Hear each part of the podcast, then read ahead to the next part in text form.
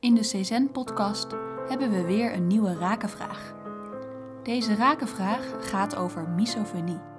Misofonie is een aandoening waarbij specifieke geluiden heftige gevoelens van woede, haat of walging oproepen. Daarbij is misofonie vooral een afkeer van geluiden die door mensen geproduceerd worden, zoals mond- en keelgeluiden. Over het ontstaan van misofonie is nog weinig bekend. Vandaar de rakenvraag of je misofonie kunt verbinden met betekenisgeving. Ja, ik kreeg de vraag aangereikt door iemand die verder voor zich wilde houden. Nou, prima. Maar hij, ja, hij zat ermee. Zijn dochter die haakte in op allerlei kleine geluidjes die hij maakte. En hij zei naar aanleiding van het feit dat ik met een suikerzakje zat te rommelen op een terras. En hij zei, als ik dat zou doen en mijn dochter is erbij, dan staat ze op de achterste benen, kan er niet tegen. Ze lijdt aan misofonie.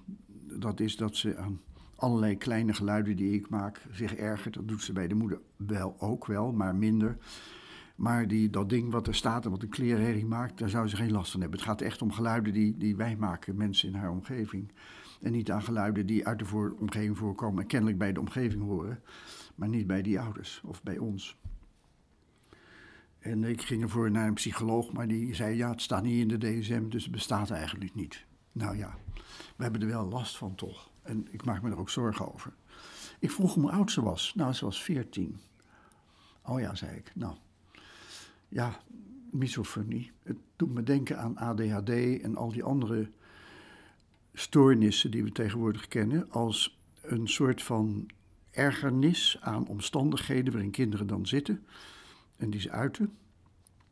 Als je naar ADHD kijkt, bijvoorbeeld, een attention deficit, en zo'n kind gaat naar school en heeft aandacht voor van alles, ziet van alles, kan de aandacht niet bij de les houden en de onderwijzer of de onderwijzeres heeft er, stoort zich daaraan en gaat dan zeggen tegen de ouders, dat kind dat heeft toch wel een vlekje, we moeten er eens naar laten kijken.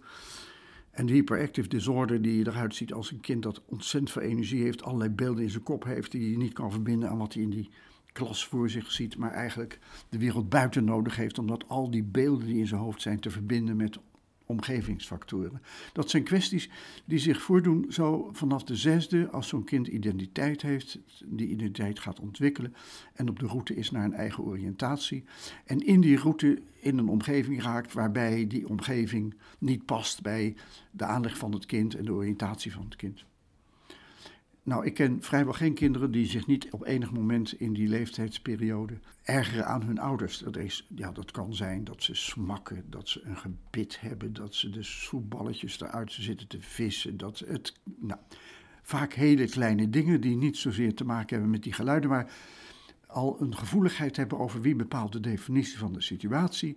Zij bepalen dat mijn ouders, maar ik wil ook. En het gevoel hebben niet de kans te krijgen. En ze ergeren zich aan het feit dat ze geen ruimte krijgen, kunnen dat niet onder woorden brengen. En ergeren zich dan aan allerlei kleine dingen. Nou, bij misofonie zijn dat dan geluiden. En meestal treedt dat zo op tussen de achtste en de twaalfde en dan loopt het op. En als zo'n kind 16 is, dan is het vaak helemaal verdwenen. Dat is het moment dat zo'n kind zelf de definitie van de situatie kan bepalen. En dan is die stoornis weg, dan blijft het nog wel aanwezig, omdat de aard van dat kind dat wel heeft. Maar het is geen stoornis meer, het is gewoon nog een spanning die dan ook vaak nog verder wegloopt. En wat je ziet is dat op het moment dat ik aan dat soort uitingen heel veel aandacht ga geven en er energie in stop, dan gaat zo'n proces evolueren en wordt het als het ware steeds steviger. En het kan dan zo stevig worden dat het echt een stoornis wordt. En het belangrijkste is dat je het eigenlijk bijna straal negeert. Eh, het is er. Natuurlijk is het er wel. Maar de oorzaak zit vaak in dingen die je zelf ook niet ziet. Namelijk dat jij een definitie van de situatie instelt waarin dat kind te weinig ruimte ervaart. En de kind slaat dan terug ja, op een manier zoals we dat nu beschrijven. Dat kan dus op allerlei manieren zijn. En die attention deficit en hyperactive disorder, die, die, die we dan bekend hebben, ADHD-complexen, eh, die, die ja, treden vaak op in situaties die door en door rationeel zijn en dan vaak optreden naar de leerkrachten, maar ook vaak thuis natuurlijk. En, en je ziet dan ook vaak dat de omgeving het onmogelijk maakt dat de kinderen hun ei kwijtraken. En bij misofonie zie je vaak dat de ruimte die de kinderen krijgen en nodig hebben om zich te ontplooien, dat ze die niet hebben of niet voelen. Niet voelen is beter dan niet hebben. En dat die ouders daar dan energie aan geven. En dan wordt het nog kleiner, die ruimte. Want dan gaat er over gesproken worden en dan evolueert het. En als je niet uitkijkt, evolueert het tot een stoornis. Die dan ook veel moeilijker weggaat. Naarmate je er meer energie in stopt, wordt het erger.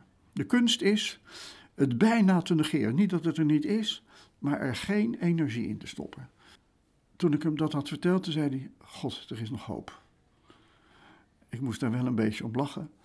En ik zei: Je zou vanaf morgen moeten proberen te kijken hoe jij nou de ruimte voor je kind kleiner maakt en hoe je er iedere keer energie in zit te stoppen.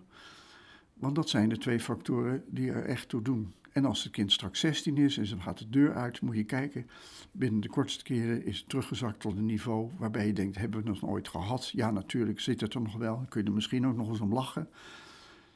Maar het is absoluut niet hopeloos en het gaat absoluut voorbij. En dat het niet voorbij gaat, komt ook voor, maar dat is maar zelden. Ik zag dat hij blij was en ik hoop dat het zo gaat. Mooie vraag.